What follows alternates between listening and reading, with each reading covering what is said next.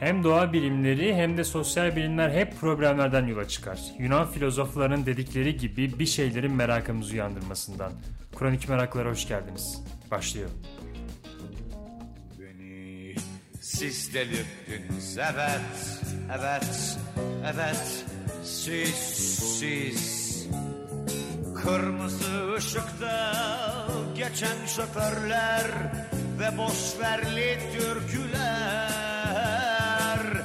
boşverli türküler.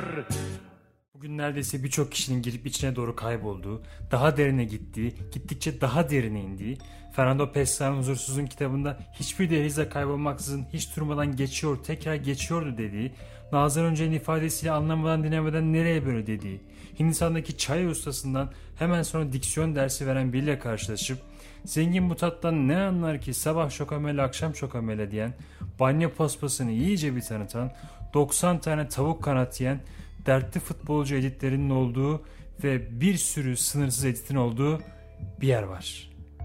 Neresi burası? Instagram keşfet. Şu anda oradayız. Sakin olun. Akşam gideriz oraya. Instagram keşfette önümüze zaman zaman görüntü kalitesi 144 piksel civarında olan TRT arşiv videolarda düşüyordur diye düşünüyorum. Düşmüyorsa da ben şimdi düşürdüm. ön- Pardon kulağınıza. Bunu kabul ediyorum aslında. Henüz iki birim olsa da kronik merakların girişinde ben de oradan oraya savuruyorum dinleyicileri. Merak. Bu bahsettiğim TRT arşiv videoların yorumlarında genelde önemli ölçüde aynı düşünceler oluyor. Ve aynı yorumlar yapılıyor. Ne güzel konuşuyor eski insanlar. Allah'ım şu adamın üslubuna bak. Şu kadar yıl geri gitsek bu kadar ileri tamam yeter. Çünkü hayal kurmanın herhangi bir maliyeti olmasa da elimizde sadece fotoğraf ve videoların olduğu zamana gitmenin garipliğini şu anlık yaşamasak iyi. Bu yorumlara bakıldığında en çok istenen hatta talep edilen durumlar dilin eskisi gibi olması. insanların eskisi gibi konuşmasıdır. Veya şu andaki insanların o zamandaki insanlar gibi konuşması. Talep ettikleri diksiyon ile alakalı mı yoksa daha çok kelime kullanımı mı ya da kelimelerin kısaltılmadan tam kullanılması mı bu aslında ucu epey açık bir soru. Birçok kişinin aklına geleceği durum bu insanların TRT arşivin videolarındaki bu insanlar gibi konuşulan bir dile hasret gibi durduklarıdır. Ama bana daha ziyade çevresinde böyle konuşan insanların olmayışına bir hasret gibi. Eleştiriye çok müsait bir durum. Eskiye duyulan fanatik hasret. Sen bir dönem faşistisin. Dilin değişmemesini beklemek bir çelişki. Çünkü o özlem duyulan ve fanatiği olunan 20-30 yıl öncesinin dili de değişerek geldi. Yani ondan 20-30 yıl öncesi için de değişikti. Elimizde tutunca tutabileceğimizi düşündüğümüz birçok şey olabilir aslında fakat dil konusu pek buna uygun bir durum değil. 1930'larda yaşayan birisi için 1970'lerde konuşulan dilde çok garip geliyor olabilir. Ve elbette 1970-80'de konuşan dil de şu anki insan için garip gelebilir. Ama dediğim gibi hepsi değişerek geldi. Yani bunların bir ortak birleştiği bir yer var. Çünkü dil ne kadar elimize tutmaya çalışsak da değişmesini engelleyebileceğimiz bir şey değil. Çünkü günlük hayatımızın öncelikler, tükettiğimiz içeriklerin getirdikleri ve ilgi alanlarımızın değişimi ve ticaret. Ticaretin sohbete girişi biraz aynı oldu ama diplomasi ve ticaret dilin değişimi için en önemli durumlar. Elbette ticaretin dili etkisi de değişti ve değişiyor.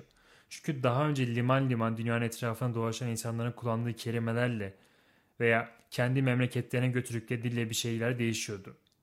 Bugün satın aldığımız ürünler, satın almadan kullandığımız ürünlerle beraber bir sürü yeni kelimeler girdi hayatımıza aslında. Bu yeni, özellikle yabancı dilden geçmiş kelimelere kendi dilimizce karşılıklar versek de bu dilin değişmediği anlamına gelmiyor. Çünkü bunu engellemek çok zor. Sosyal liberalizme dair önemli kaynaklardan olan Özgürlükte Kalkınma kitabında Amartya Sen şöyle diyor. Aynı zamanda yer kürenin farklı bölgeleri artık her zamankinden daha fazla birbirine bağlı. Bu sadece iş, ticaret ve iletişim alanlarında değil. Birbirini etkileyen fikirler ve idealler bakımından da geçerli.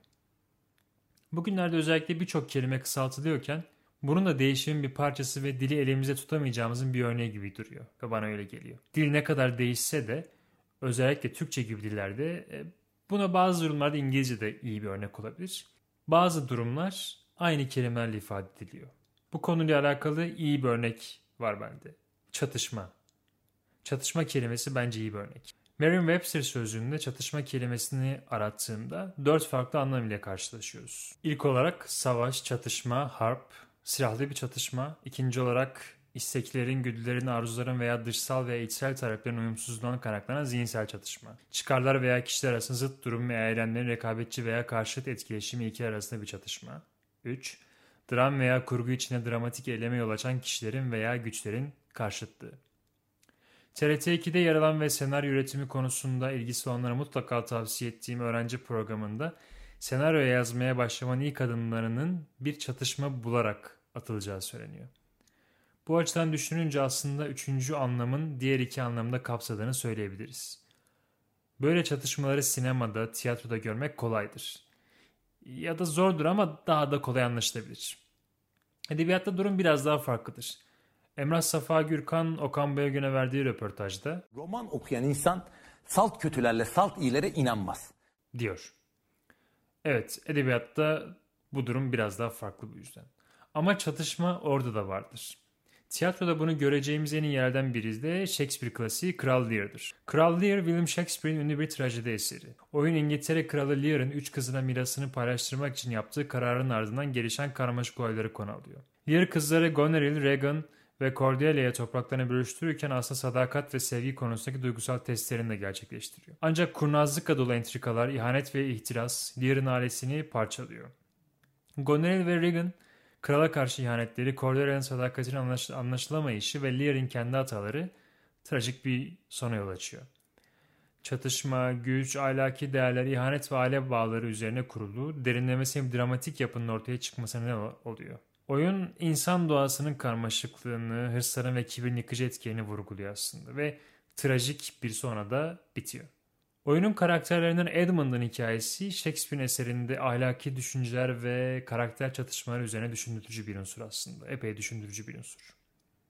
William Shakespeare'in Kral Lear oyundaki Edmund, Gloucester kontunun gayrimeşru olarak tanımlanan bir karakter. Edmund, hırslı, entrikacı ve manipülatif bir karakter olarak karşımıza çıkıyor aslında oyunda. Edmund doğuştan gelen meşruiyetsiz durumu nedeniyle toplumun dışında hissediyor kendini ve bu durumu değiştirmek için hırslı bir plan yapıyor.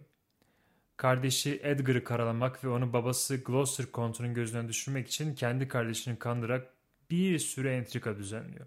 Bu entrikaların sonucunda Gloucester Edgar'ın kendisine karşı ihanet ettiğine inanıyor ve Edmund'ı kucaklıyor. Birlikte aynı ekibi paylaştığı insanlara can sıkıntısı yaratan Edmund için podcast'in ilerleyen kısmından sonra daha da bu sıfata uygun olduğu düşünülen bir tanım var. Aptal. Edmund'un aptallığı onun aşırı hırslı ve kendi çıkarları için acımasızca hareket eden bir karakter olmasıdır. İnsanların duygularıyla oynamak, kardeşini aldatmak ve ahlaki değerlere uymayan yollarla güç elde etmeye çalışmak gibi eylemler aslında. Bu eylemler Edmund'u aptalca ve vicdansız bir karakter yapıyor. Ancak bu hırslı ve entrikacı tavırları sonunda onun kendi sonunu hazırlıyor. Edmund'un hikayesi Shakespeare'in eserinde ahlaki düşünceler ve karakter çatışmaları üzerine epey düşündürtücü bir unsur aslında.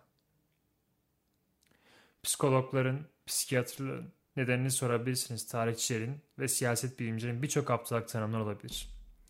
Filozofların aptallık hakkında düşüncesi ise aptalları bilginin, ahlaki etkinliğin, yapıcı müzakerenin, birlikte yaşamanın önündeki kanaat, ön yargı, kibir, batı inanç, tahammülsüz itiraz, dogmatizm, birleşik, nihilizm ve benzeri şekillerde ortaya çıkan engeller olarak görmesidir aslında. Çevremizde aptal olduğunu düşündüğümüz kişiler aklımıza gelmiş veya gitmiş olabilir. Bir aptalın bir kişinin hayatını veya hayat kalitesini etkilemesi, bir veya birden çok aptalın bir toplumun veya toplulukların yaşam kalitesini etkilemesinden daha önemsiz değildir. Sonuçta bu kıyaslanacak bir durum değildir. Fakat daha kolay ulaşabildiğinden verilere biraz toplumu etkileyebilecek bir aptallıktan bahsetmek istiyorum. Google Trend'in 2016 verilerinde Birleşik Krallık'taki insanların Google'a en çok sorduğu sorulara baktığımızda 5 soru öne çıkıyor. Avrupa Birliği'nden ayrılmak ne anlama geliyor? Avrupa Birliği nedir? Hangi ülkeler Avrupa Birliği'nde? Bu soruların sorulduğu Birleşik Krallık o zamanlar Brexit ile karşı karşıyaydı. Brexit, Birleşik Krallığın Avrupa Birliği'ne ayrılıp ayrılmama yöneldiği tarihin en kritik referandumlarından birisiydi.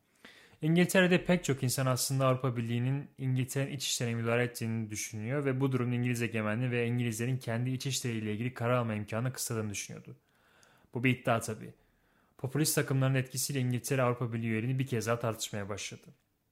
Özellikle Brexit Partisi lideri Nigel Farage liderindeki çevrelerin bu söylemi yükselttiği görüldü. Ve neticede baskılara kayıtsız kalamayan dönem başbakanı Cameron 2013 yılında seçimleri kazanması halinde referandum sözü verdi. Ve şöyle dedi. Bu meseleyi yüzleşmek, tartışmak, şekillendirmek ve liderlik etmek gerektiğini inanıyorum. David Cameron yeniden başbakan seçildi ve sözünü tuttu. Ülke 23 Haziran 2016'da referandum için sandık başına gitti. İki seçenek vardı. Avrupa Birliği'nden ayrılmak ya da Avrupa Birliği'nde kalmak. David Cameron büyük bir ezimet yaşadı. %52 ile halk Avrupa Birliği'nden çıkılmaya karar verdi. Fakat bu seçimden neredeyse 4 yıl sonra Brexit süreci tamamlanabildi ancak. Popülist bir tavırla seçime gidildi ve siyasetçilerin en önce düşünmesi gereken etken olan sonuçlar düşünülmedi. Bir sürü aptallıklar yapıldı. David Cameron alay konusu oldu. Tarihteki aptallar diye arama yaptığınızda bir sürü kişi çıkar. Fakat bir aptalın aptal olduğunu söylediğimizde bizim de aptal olduğumuzu ve her zaman biri başkasının aptal olduğumuzu, asıl aptalın içimizde olduğunu söyleyen birisi olduğunu biliyor muydunuz? Uzun uzun anlattığım Brexit ve Edmund'da aptal diyerekten empatiden yoksun davrandık aslında. Evet bir aptalın aptal olduğunu bildikçe içimizdeki iyiliği yitirir. Kendi insanlık ideallerimizden uzaklaşır ve kendi kendimizi aynı oranda düşmanca davranan birine yani aptal dönüştürürüz. Bu da aptalın aptalına dönüştüğümüzün delilidir aslında. Aptallık sersemlerin sizi içine hapsettiği bir sistemdir. Ve bundan kurtulabilmek için düşüncelerimizi nasıl yönlendireceğimizi öğrenmeliyiz. Kronik Merakların ikinci bölümünde Maxim Rover'den Aptallara Ne Yapmalı kitabını tema alaraktan aptallara ne yapmalıyı konuşacağız. Az önce aptallara aptal dediğim için aptal olmakla suçlandığım için bir soruyu da soracağız. Aptal olmamak için ne yapmalı? Oksimoron kelimesini duymuş muydunuz? Zeki, aptal, birbiriyle çelişen iki kavram bir arada kullanılması demek.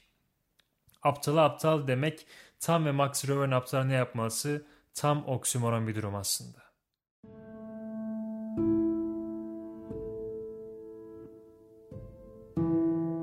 Beni siz delirttiniz evet, evet, evet Siz, siz Kırmızı ışıkta geçen şoförler Ve boşverli türküler Ve boşverli türküler Sadece burada açık bir şekilde aptalları anlatıyor.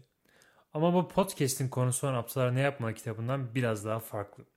Çünkü burada aptalları anladığını ve onları anlatabileceğini düşünüyor. Ve anlatıyor. Maxim Rover Aptallara Ne Yapmalı kitabında ilk olaraktan aptal olmayı bıraktığımız ölçüde aptalları anlamaya başlarız diyor. Giriş kısmında bir başkasının aptal izlediğinde aslında herkesin bir aptalı ve kendisinin içinde bir aptal olduğunu söylemiştim. Cem Karacar'ın da aptalları anladığını ve anlattığını söyleyebilirim. Daha önce bir rock yıldızı ile aptal kelimesi aynı cümlede geçirip geçirmediğimi pek hatırlamıyorum. O yüzden biraz daha ileriye gidelim. Bu şarkının sözlerini duyunca veya podcast'i durdurup sözlerini okuyunca aklınıza bir aptal geldi mi? Veya aptallar. Olabilir ama empatiden yoksun davranıp yine bir aptala dönüşmeyelim. Sakin olun.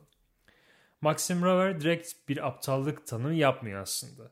Ama aptallığın felsefi tarihini yazmasak bile filozofların onu bilginin, ahlaki yetkinliğin, yapıcı müzakerenin birlikte yaşamanın önündeki kanaat, ön yargı, kibir, batı inanç, tahammülsüzlük, ihtiras, dogmatizm, bilgiçlik, nihilizm ve benzeri şekillerde ortaya çıkan engel olarak gördüklerini hatırlamak yeterlidir diyerekten kendi tanımını yapıyor aslında. Bu maddelerden her birini konuşmak çok uzun sürer. O yüzden birkaçından yürümek daha iyi olacaktır. Yapıcı müzakere burada seçtiğim konu olsun ilk olarak da. Dil kurumuna göre Arapça kökenli müzakere bir konuyla ilgili fikir alışverişine bulunma, oylaşma anlamına geliyor.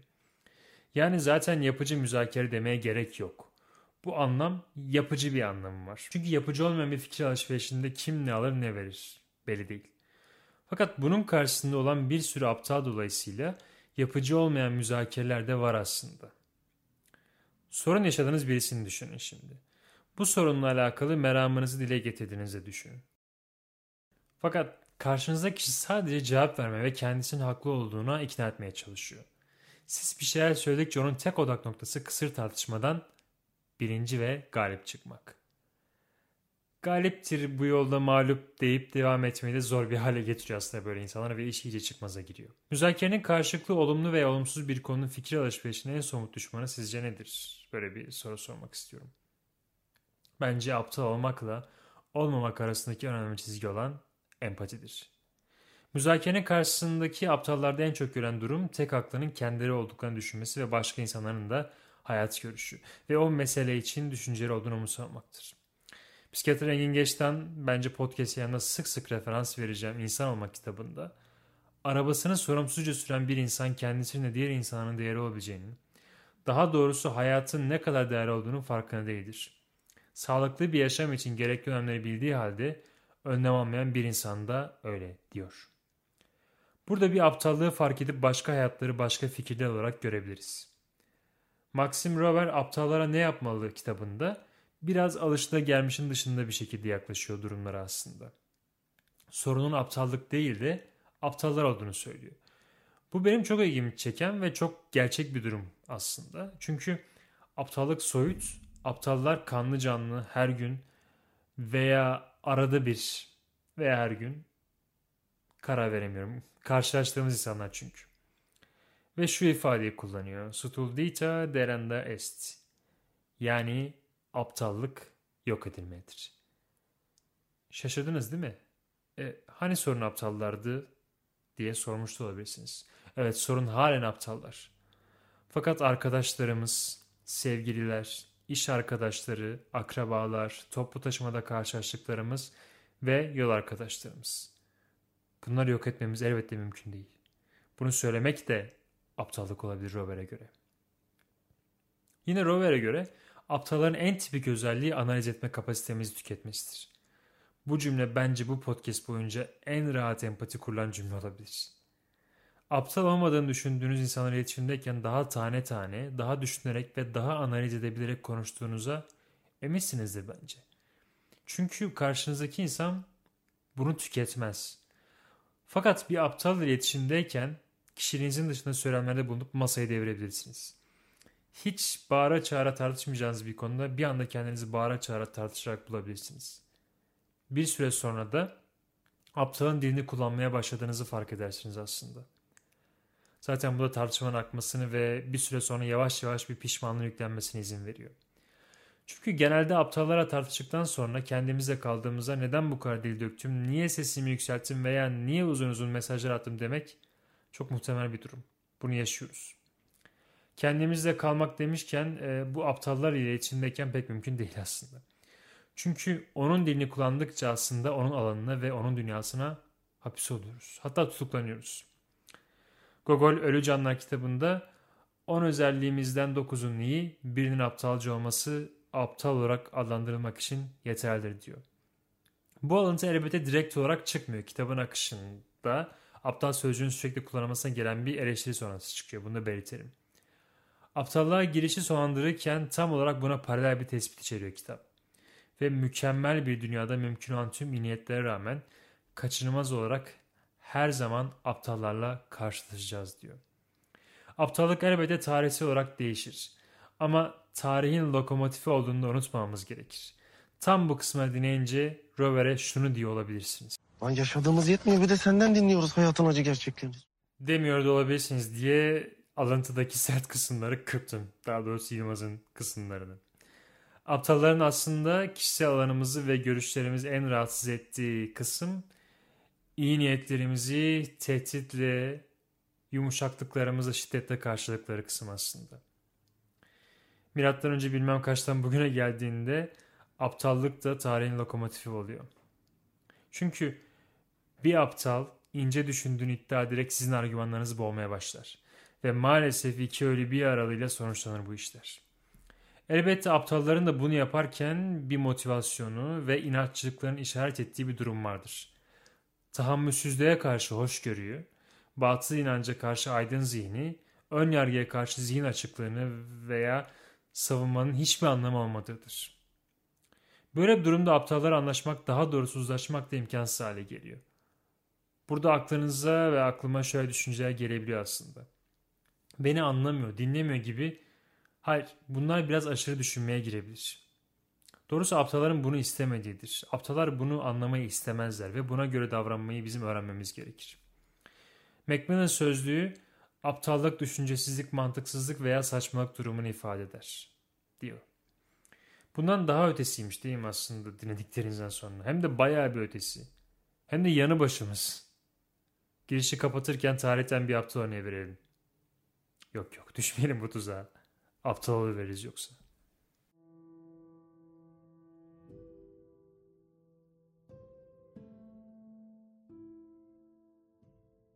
Aman o incinmesin, aman o huzurlu gitsin, aman ona hakkım geçmesin. Turgay benim kardeşim, o benim ciğerim diye ben...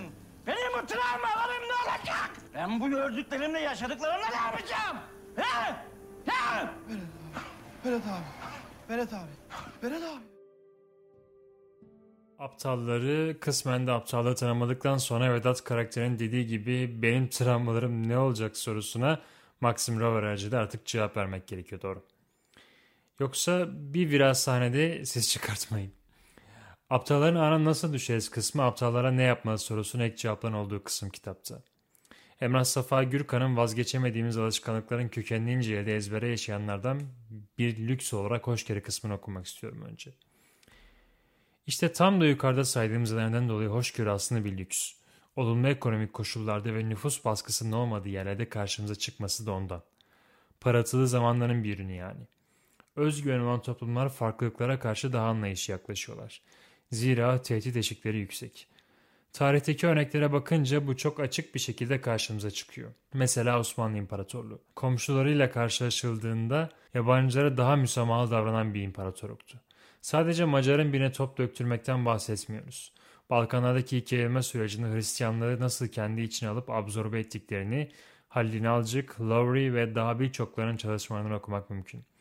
Bunların bir kısmının dinini koruyarak devlete entegre olmasında bile bir sakınca görülmemişti. 15. yüzyılda Hristiyan sipahilere rastlamak işten beri değil. Gerçi bu esneklik imparatorluk sistemi oturukça azalacak.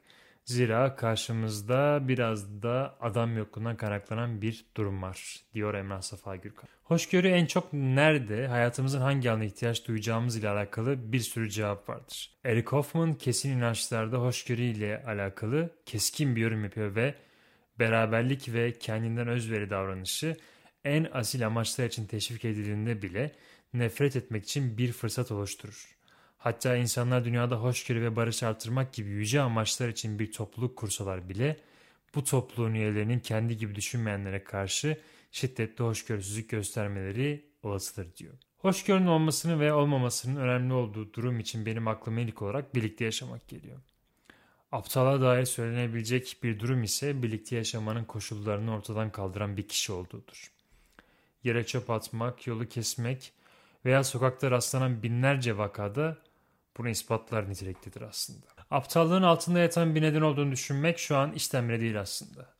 Birlikte yaşamanın kurallarını ihlal eden bu insanlar veya bu kişiler için bir savunma gerekiyor. Bu da var aslında.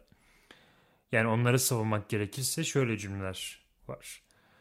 Yani zor yaşama koşulları, çalışma koşulları, tüketim endüstrisi ve bu aptalları üreten hasta toplumlar aptalların savunması için gerekli argümanlar olabilir. Fakat bunlar aptalların olduğu gerçeğini etkilemiyor ve bu kitabın ilerlemesine de olmuyor aslında. Maxim Rover aptallara ne yapmalı sorusu için ilk cevabı ahlaki seviye yüksekliği üzerine kuruyor. Ve e, şöyle söylüyor. Ahlaki ve insan olma çabasında diğer insanlara göre başarısız olan bu insanlara karşı şunu öneriyorum diyor. Bir aptal yanlış, faydasız veya tehlikeli bir şekilde davrandığında kendi bulunduğumuz ahlaki seviyenin yüksekliğinden faydalanarak harekete geçerek kolayca ve hiç öfkelenmeyen durumu düzeltip aptalın vereceği zararları engelleyebiliriz. En azından bu gerekir diyor. Fakat bu bence normal hayatta bu kadar da kolay gerçekleşen bir şey değil. Bunun kolay gerçekleşecek olması zaten günlük hayat dinamine aykırı bir durum olabilir. Yaşamımızın sorumluluğunu alıp içerisinde bulunduğumuz halleri kabul ettiğimiz durumlarda okuduğumuz bir kitap, izlediğimiz bir içerikten etkilenip onun buyurduğu önerileri yapmaya çalışırız. Özellikle insan ilişkilerinde. Fakat bu aksiyona geçtiğinde o kadar kolay olmayabiliyor. Ama iki senaryoda da bence insan olmayı hissettiriyor. Aptalın vereceği zararı engellememiz için yapmamız gerekenleri neden yapamıyoruz sorusunun cevabı ise aptallığın sadece zayıflık ile veya zayıf bırakmak ile alakalı olmadığıdır. Bir de aptallığın çirkin bir yüzü var aslında. Şimdi hayatımıza bir konforsuzluk katan ve baş belası olarak nitelendirebileceğimiz aptalların bizden aşağı seviyede olduğunu düşünelim. Veya onunla iğrenmeye başladığımızı düşünelim. Buna başladığımız andan itibaren aslında empati kurma isteğimizi kaybediyoruz. Yani aptallığın sadece tanığı yani uzaktan izleyicisi olabilmemiz pek mümkün değil. Bunu daha önce hayatımızın her alanında olmasıyla zaten açıklamıştık. Ve durum zaten birini aptal olarak tanımakla başlıyor. Birini aptal olarak tanımadığınızda zaten bu durumun karşısında bir tavır almış oluyorsunuz. Ve bu da potansiyel sevgi ve hoşgörüde bir eksilme yaratıyor. Aptalların hayatımıza felakete yol açması nedeniyle oluştukları sorun tespit edilmez çözüm olanaklarının yıktıdır. Rover kitaba büyük harflerle şu sözü yazıyor. Aptalın öğretmeni değilsiniz. Durumları değiştirin. Kişileri değil. Murat Menteş Afilli Afiye isimli kitabında karakterimiz davranışlarımızdan ziyade reaksiyonlarımızdan belli olur. İşte roman bize bir reaksiyon repertuarı sunar diyor. Reaksiyonlar günlük hayatta kendimizi anlamamız ve tanımamızla doğrudan alakalı bir durum diye düşünüyorum ben. Hayatımızın sorumluluğunu alıp reaksiyon gösterince bize verdiği keyif, e, tabii herkese keyif vermeyebilir. Çünkü bazı insanlar hayatının sorumluluğunu başkalarının omuzlarına yükleyip reaksiyonla onun göstermesini bekliyorlar. Ve bu reaksiyon gösterilmediğinde e, yine sorumluluğu başkasına yüklüyorlar. Aptallara ne yapmanın şaşkınlıktan nasıl kurtuluruz kısmında da bunu konuşmak istiyorum ben. Aptallara verdiğimiz reaksiyonlar. Maxim Rover bataklık diye adlandırdığı döngünün dayanağını aptallığın belirli bir tanımın olmaması olarak açıklıyor. Son derece bulaşıcı karakterinden dolayı aptallar aptallıkların hemen başkalarına geçiyorlar çünkü. Birisini aptal olarak tanımlayan kişinin de aptala dönüşmeye başladığını kabul etmemiz gerekiyor. Çünkü bu onun soğukkanlılığını ve analiz etme yetisini yitiriyor. Aptallardan kaçmaya ne kadar çabalarsanız onlardan birinin sizin içinize doğmasına o kadar yardım edersiniz. Bir bilim kurgu filminden daha itici bir kabus olan bu durum e, yaşadığınız paniği açıklar hatta aydınlatır.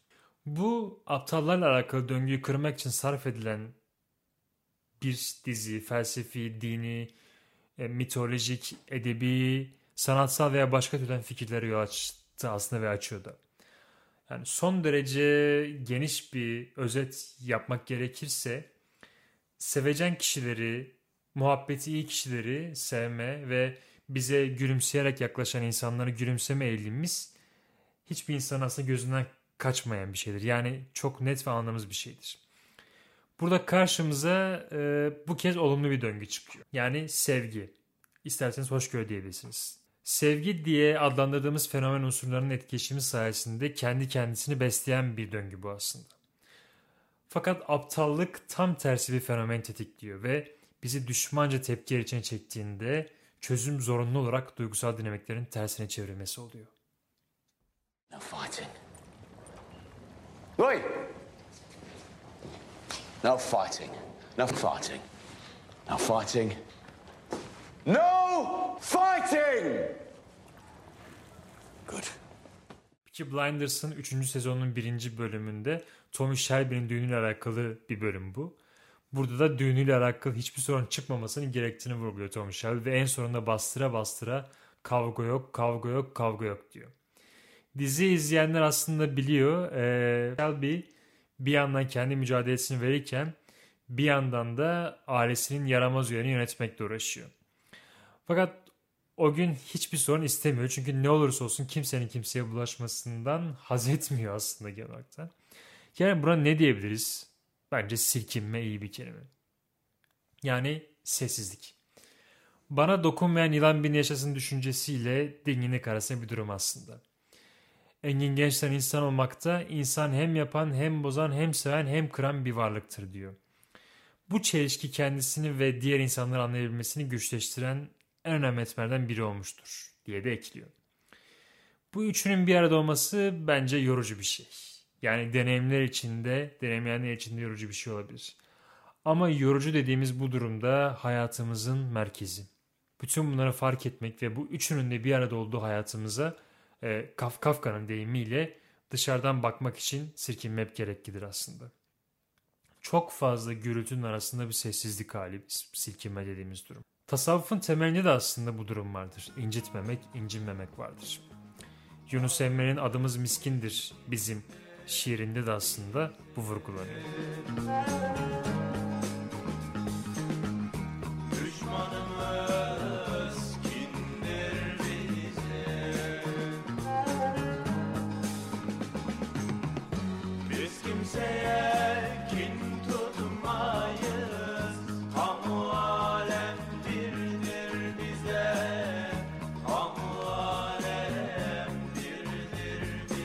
Bize Aptallara ne yapmalıyı biraz da miskinlik temelli silkinmeye çeviriyor yazar da aslında. Maxim Rover beni biraz şaşırtan bir şekilde devam ettiriyor kitaba silkinme ile alakalı bir durumlardan bahsediyor.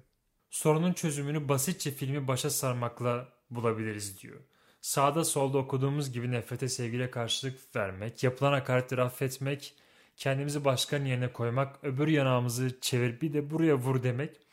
Kısacası sinirimiz, sinirimizi bozan şu hayvanlara gülümsemek çözüm olabilir. Çünkü bir tek cömertlik bizim ve onu daha iyi bir insanlık seviyesine ulaşmamıza yardım edebilir diyor.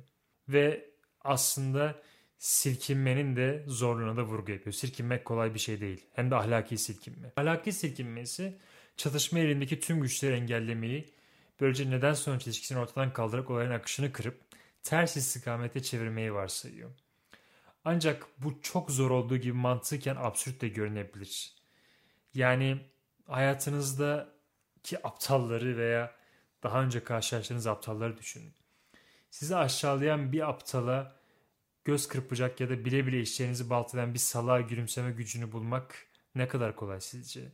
Bence zor ama mümkün değil değil. Başka bir deyişle aslında ahlaki gücü nüzü zayıflatma özelliğinden dolayı aptallığa karşı durabilmek için bu kadar gerekli gücü nereden bulabiliriz? Bu da soruyor kitapta.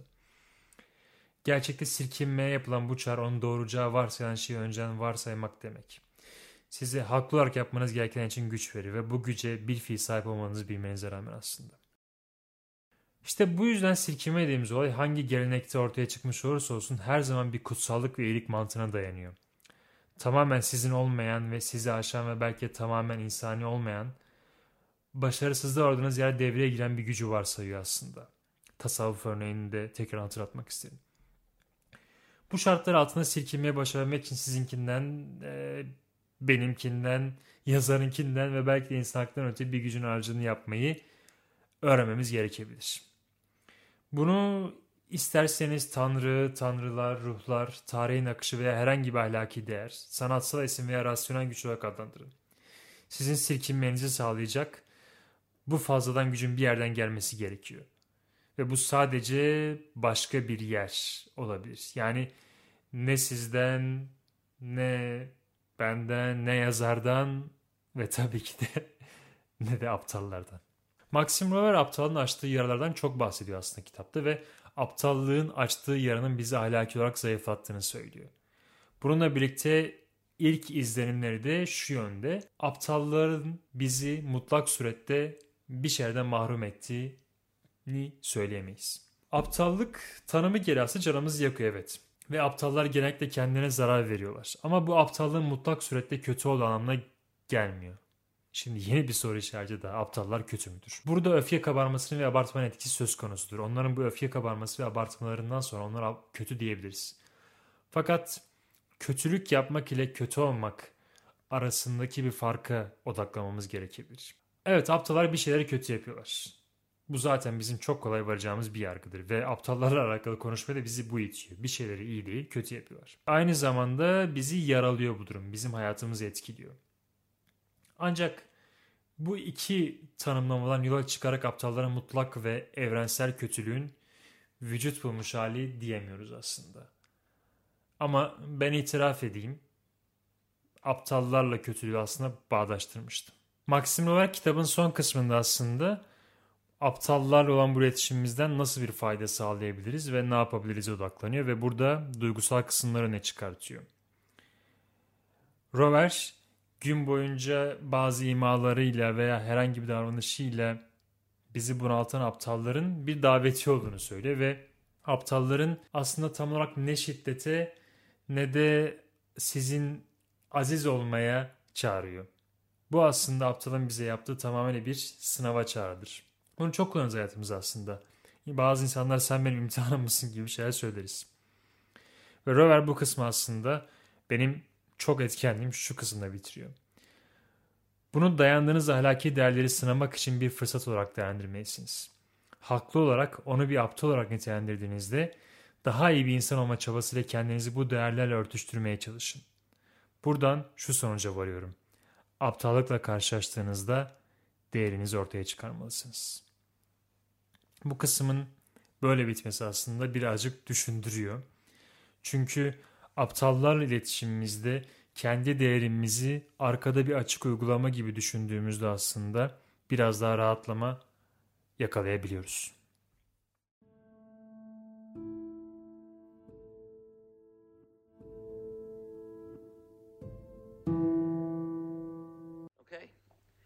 These are based, indifference curves are basically preference maps.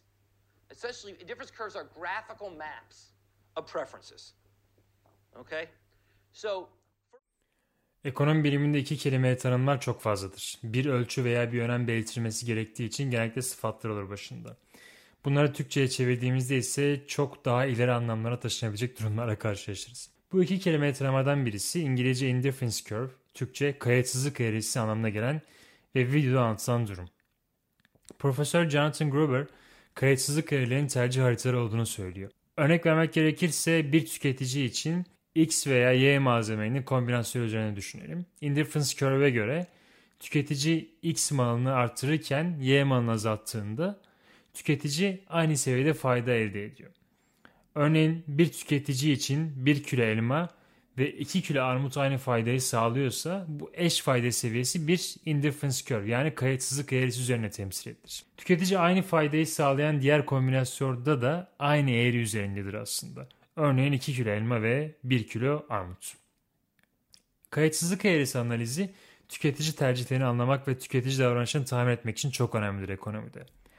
Bu analiz tüketici tercihlerinin nasıl değiştiğini ve bu değişikliklerin talep üzerindeki etkini anlamak için kullanılır. Aptallarla ne yapmalı sorusunun hata fırsata nasıl dönüşür kısmına odaklanılan kayıtsızlık kısmıdır aslında. Kayıtsızlık eğrisi kadar faydalar aynı mı gidiyor bundan emin değilim ama Maxim Rover aptalların seyircileri değil işbirlikçilerin olduğunu bu nedenle karşılarında kayıtsız kalmayıp bir şeyler yapmak istediğimizi söylüyor. Kendimizi kayıtsız kalmayıp bir şeyler yaparken bulmamız çok olağandır ve normaldir aslında. Sessizliği veya sessiz duruşumuzu bozacak etkenler her zaman olaya dahil olabilir. Çünkü ben aptalların işbirlikçilerinin asla bitmek bilmeyen savunmalar olduğunu ve manipülasyon cümleleri olduğunu düşünüyorum. Hatta bu o kadar çoktur ki hız kesmeden bunu sürdürüp uzunca müddet bununla alakalı konuşurlar. Şimdi aptallığın üstün olan tarafa geçmeye hazır mısınız? Aptalın bir yandan sizin onun arasındaki ahlaki bir fark yarattığını, diğer yandan sizi bir zorlukla karşı karşıya bıraktığını ve aptallığın sizi ondan üstün yapan bir faydası olduğunu anlamışsınızdır aslında. Maxim Rover'e göre bunu anlayarak geleceğinizi kendi ellerinize aldınız bile.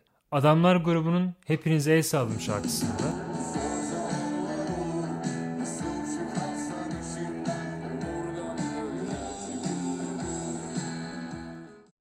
diyor söz eseri. Aptallarla alakalı bir şeylere fark etme süreci aslında zor zamandan birisidir ve Rover'e göre aptalın aptal olmasının bir ahlaki fark yaratması sebebiyle ondan üstün olduğunuzu kabul ettiğiniz anda bir rahatlama gelebiliyor ve sizin omurganızın şekillenmesine bir fayda bile sağlıyor bu durum. Affedersiniz merhaba. Harika bir plaj değil mi? Hı hı. Bu enginlik, bu açıklık inanılmaz. Hı hı. Siz de hoparlöre getirmişsiniz. İnsan istediğimizi dinlemesi hoş bir şey tabii. Hı hı. Ben de severim. Bu yüzden kulaklıklarımı getirdim. Peki. Canınız sıkıldı veya konforsuz hissettiniz mi bu diyaloglardan sonra? Birlikte yaşamanın kurallarını herkesin uyacağına dair kimse bize söz vermedi. Bu aslında kabul ettiğimiz bir şey ama yine de ortak bir alanda konforunuzu bozan durumlar elbette her zaman şaşırtıyor ve topluma sahip sövmemizi de beraberine getiriyor. Otobüste giderken yüksek sesle telefonda konuşan veya kulaklığı olmadığı halde ısrarla görüntülü konuşan insanlar olur. Bunlarla karşılaşmamız işten bile değil. Üstelik ben teyit ediyorum dünyanın her yerinde. Böyle durumlarda bir şeyler demek mi sizi daha çok tatmin eder yoksa bulaşmayan düşüncesi mi? Bu soruyu sormak istiyorum. Cemil Meriç'in toplum garipliklerle doluydu. Bunları ortadan kaldırmak düşünen aklın görevi dediği yer aslında tam da burası. Kendimize görev atfedip bir şeyler yapmaya çalışırız. Bu zaten aptallara ne yapmalı sorusuna cevap verilenlerden birisidir. Rover durumları değiştir insanları değil diyor. Az önceki seslendirdiğim diyalogda aslında en fark eden şey bir meydan okuma oldu. Bir aptal planlayarak veya planlamayarak meydan okuyor. Evet bu bizi ilgilendirmiyor. Çünkü planlasa da planlamasa da hayatımızı ve yaşam konforumuzu etkileyen bir durum ile karşı karşıya bırakıyor bizi. Bizim ilgilendiğimiz tek kısım bu. Aptalların insanlığın tamamına değil de bireylerin içindeki insanlar meydan okuduğunu varsayalım. İnsanlar birçok şekilde bugün yeni hayatımın ilk gün cümlesini kurup yeni bir hayata geçebilir. Bu cümleyi ben de çok kuruyorum. Ve sevdiklerimden de kuranlar oldukça fazla. Bu genellikle pazartesiler oluyor. Hatta bu sene 1 Ocak pazartesine denk geldi. Eminim birçok kişi bugün yeni hayatının ilk günü demiştir. Siz yeni bir insanlık modeli kuruyorsunuz içinizde ve güne başladığınızda bir aptal geliyor buna meydan okuyor ve bir anda içinizdeki insanlığa aykırı bir davranışı bulunmaya başlarken buluyorsunuz kendiniz. Yani bundan böyle biliyorsunuz ki bir aptalla karşılaştığınızda tamamen farkında olmaz gereken ilk şey onun bir bataklığa gömülmekte olduğu aslında. Ve bu yüzden size saldırıyor. Aynı bataklığa gömülmek için de kabul etmeniz gereken tek şey aslında bir aptalın sizin insanlık kavramınızdaki bir bozukluğu, bir anormalliği gösterdiğidir. Ve bu kavramla alakalı Maxim Rover diyor ki bu durumu yani bir sizin insanlık kavramınızdaki bir bozukluğu, bir anormalliğin göstergesini siz savunmayacaksanız kim savunacaksınız? Bu yüzden barışı ve huzuru sağlamak sadece bize düşüyor Robert'e göre. Çünkü bu şüphesiz aslında. Aptal oldukları için bunu onlardan beklememiz mümkün değil. Yani aptaldan aslında ne kadar çok şey bekleyebiliriz ve beklentilerimiz ne durumda olur bunu anlamak da mümkün değil. Bu yüzden başkaları ne kadar aptalsa sizin de o kadar bilgi olmanız yani bir şeyleri değiştirmek için anlamaya çalışmanız gerekiyor.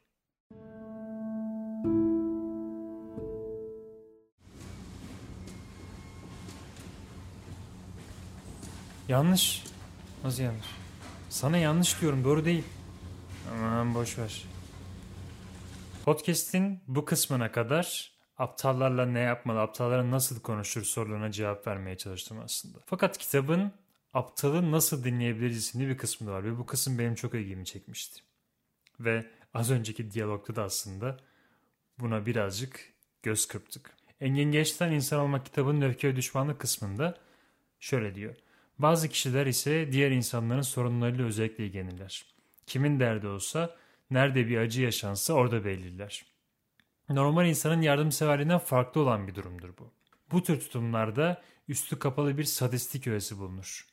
Ve kişi diğer insanları zor durumda ya da acı çekerken görmekten ötürü dolaylı bir doyum sağlar. Geçten herhangi bir aptal tanımlaması yapmıyor burada ama buraya kadar geldikten sonra bu cümlede geçen kişide bir aptallık var mı yok mu Lütfen burada durdurup düşünebilir misiniz? Ben bu alıntıyı not alırken, yazarken daha doğrusu durdurmayı düşündüm. Maxim Rohr aptallar nasıl dinlenir kısmına öncelikle size ahlak dersi vererek işkence edenleri sakince nasıl dinleyebiliriz bu soruyu sorarak başlıyor. Bu yukarıdaki sadistliğe benzeyen bir durum aslında. Asla böyle bir şey istenmediğinde nasihat verme yarışına girip bu nasihatin de dünyadaki en haklı söz olduğunu söyleyen insanlar vardır. Ve bunu aslında ahlaka da indirmeye gerek de yok. Bu insanlar ilişkinizin de detayını sorabilir. iPhone 13 aldıktan sonra niye onu aldın? O da telefon mu Samsung alacaktın da diyebilir. Hevesinizi nasihatlerle kırabilir. Samsung alınca da niye onu aldın? iPhone almak varken diyen insanlara dolabilir çevreler. Bir sürü telefon markası var. Emin olun örnek hepsine uyuyor. Böyle nasihatlerde bence en çok yapan davranışların birisi savunmaya geçmektir. Yani nasihat verenin değil de nasihat veren insanın savunmaya geçmesidir. Gözünüz önüne geldi mi? İstemediğiniz bir nasihat verilirken savunmaya geçme anı. Tabii geçebiliyorsak. Bunda haklı veya haksız mıyız savunmada? Bundan çok emin değilim ama haklı bir durumun ağır bastığını söyleyebilirim. Evet evet haklı bir savunma bu. Peki bu savunmanın nedenine bakalım. Aptallar suçlamayı severler. Bu savunmaya geçilmesinin polisiye film veya diziler izlediğimizde suçsuz bir karakterin üzerine gidilmesi bize kötü hissettirir. Benzer durumu aptallarla ilişkiye de yaşıyoruz aslında kendi üzerimize geliyorlar. Suçumuz olmadan birileri suçlayıcı nasihatler vermeye devam ediyor. Rover öncelikle ahlak dersi vererek işkence edenler olarak tanımlıyor. İstemeden ve aptallar tarafından verilen nasihatleri ve bu işkence edenleri nasıl dinleyebiliriz onu açıklıyor aslında. Size yüklenmeye çalışan suç karşısında en sık en doğal aynı zamanda da en etkisiz tepki gerçekten de kendini savunmaktır. Çünkü aptallar başkanı suçlamaya bağlılar. Bu durumda kendinizi izah etmeye çalışırken yapmadığınız kadar çok hata yaparsınız ki onları burada açıklamaya teşebbüs dahi edemem ama en azından şunu kabul edin. Savunmamızı yaparken kekelediğinizde referans gösterdiğiniz değerler sistemini bilemez haldesinizdir. Her iki durumda da gittiğiniz yolun yanlış olduğunu gösterebilirim. Ama daha hızlı ilerlemek için size yalvarıyorum. Durun. Aptalın size dayattığı sistemi özümsüyorsunuz ancak gerçekçi aptalların sistemi yoktur. Hiçbir tutarlığa saygı duymazlar diyor. Ve aslında Rovers ispatın saçmalığına burada vurgu yapıyor ve kendinizi ispat etmeye çalışmayın. Çünkü bu aşağılayıcı, gereksiz ve en önemlisi hatta tehlikelidir. Çünkü ben şuna çok şahit oluyorum. Kendime şahit olabilirim aslında. İspat etmemiz gerekmediği bir durumda ispat ettiğimiz zaman aslında bu pişmanlık yaratıyor. Ben kendimi neden ispat ediyorum şimdi sorusu sorulmaya başlanıyor. Ve buradan da içerisinden çıkılmayacak bir duruma geliyor aslında. Ve bu durumda bizi şuna götürüyor. Aptalların yargıları vardır. Aptallar bir şey söylerler. Fakat aptalların söylediklerini temel yargı olarak kabul etmeden dinlemeliyiz bence. Aptallar bir sürü şeyler söyleyebilirler. Bunların temel alınarak konuşması aptalların yine tuzaklarına çekildiğimizi gösterebilir. Son olaraktan Maxim Rover aslında bir müzik anlatısı üzerinden bunu yapıyor ve müzikte bir melodinin kesin bir şey anlatmamakla birlikte bir anlatı akışı sunduğunu düşünüyor. Bir aptalın olduğu her yerde bildiğimiz anlamda iletişime vazgeçmekten başka çare yoktur diyor. Aslında büyük büyük çelişkiler içeriyor bu durum. Çünkü kendi duruşumuz olaraktan bir hayat duruşu belirliyoruz. Fakat aptallara karşı normal insanlara yaptığımızdan farklı bir iletişim belirlememiz gerekiyor. Evet iletişim metodunun değişmesi biraz konforsuz olabilir ama bundan başka bir çare yok gibi gözüküyor. Çünkü aptalların kullandığı dil sizinkine benzemiyor aslında. Ve Robert aptalların kullandıkları dil sizinkine benzemese de bırakın kendini açıklasınlar. Şüphesiz bu biraz itici, müthiş sıkıcıdır. Üstelik yardım etmeyi hiç istemiyorsunuzdur. Zaten kimse hatta onlar bile sizden sorunları çözmenizi beklemez. Buna karşın şikayetlerini dinleyerek, işlerini dökmeni teşvik ederek amacınıza ulaşırsınız. Yani biraz güven tesis edip hayatınızı kolaylaştırırsınız diyor. Maxim Loren'in dikkat çektiği bir durumda aslında kalbimizi duygularımızı anlatırmamız gerektiği. Ama kesinlikle aptaldan çektiğiniz acıların hakikatini anlamanı beklememiz gerektiği. Ve burada çok önemli bir alıntı var bence. Kalbiniz duygularınızı arındırın. Ama kesinlikle hapslardan çektiğiniz acıların hakikatini anlamanı beklemeyin. Bu desteği başka yerlerde iyi niyetli ve aydın kişilerde arayın. Çünkü bildiğiniz üzere hakikat hapsların onunla değildir. Hakikati istemezler. Buradan aslında vardığımız sonuçlardan birisi de kalbimizi duygulardan arındırmak gibi bir durum olabilir. Çünkü aptalların bizi yaşattıklarını ve bizim çektiğimiz acıları anlamalarını ve hatta bu acıların hakikatini anlamanı beklememiz pek mümkün değil. Ve bunu onlardan beklememeliyiz. Maxim Rover bunu yani bu beklediğimiz desteği, acılarımızın anlaşılması için beklediğimiz desteği iyi niyetli ve aydın kişilerde aramamız gerektiğini söylüyor. Çünkü aptallarla girdiğimiz tartışmalarda ve aptallarla yaşadığımız durumlarda hakikatin onların umurlarında olmadığını çok rahat anlayabiliriz. Çünkü ta en başta söylediğim şeyi hatırlatmak istiyorum. Bir tartışmada aptallar her zaman o tartışmanın galibi olmaya çalışırlar. Anlamak, dinlemek bunlar pek yoktur. Dinlenilse bile yine amaç anlamak değil cevap vermektir. Burada aslında son olaraktan şu alıntıyla tamamlıyorum bu kısmı. Büyük ahlaki sınav aptallığı bilgileştirmek değil, alçak gönüllülükte aptalların pratikte zarar vermelerini engellemektir.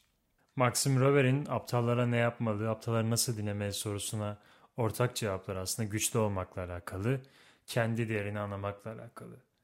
Fakat varoluşun getirdiği sorunlara güvenli ve gerçekçi biçimde yaklaşabilmekle alakalı bunların hepsini başarmak. Aptallar hayatımızın aslında varoluşuna gayet uygun ve olması gereken durumlar. Çünkü Jean-Paul Sartre cehennem başkalarıdır derken bu başkalarının aptallar olduğunu düşündüm düşünmedim bilmiyorum ama aptallar başkalarıdır ve başkaları hayatımızda her zaman olacaktır. Güçlülük demişken son olaraktan Engin Geçten güçlülük yürekli olmaya gerektirir. Yüreklilik ise insanın kendi gerçekleriyle yüzleşebilmesini içeri diyor. Aptallar da aptallara ne yapmamız gerektiği de aslında kendi gerçeklerimizle yüzleşebilmemizle ve reaksiyonlarımızla alakalı. Kırmızı ışıkta geçen şoförler ve boşverli türküler. Evet, siz, siz Kırmızı ışıkta geçen şoförler Ve boşverli türküler Ve boşverli türküler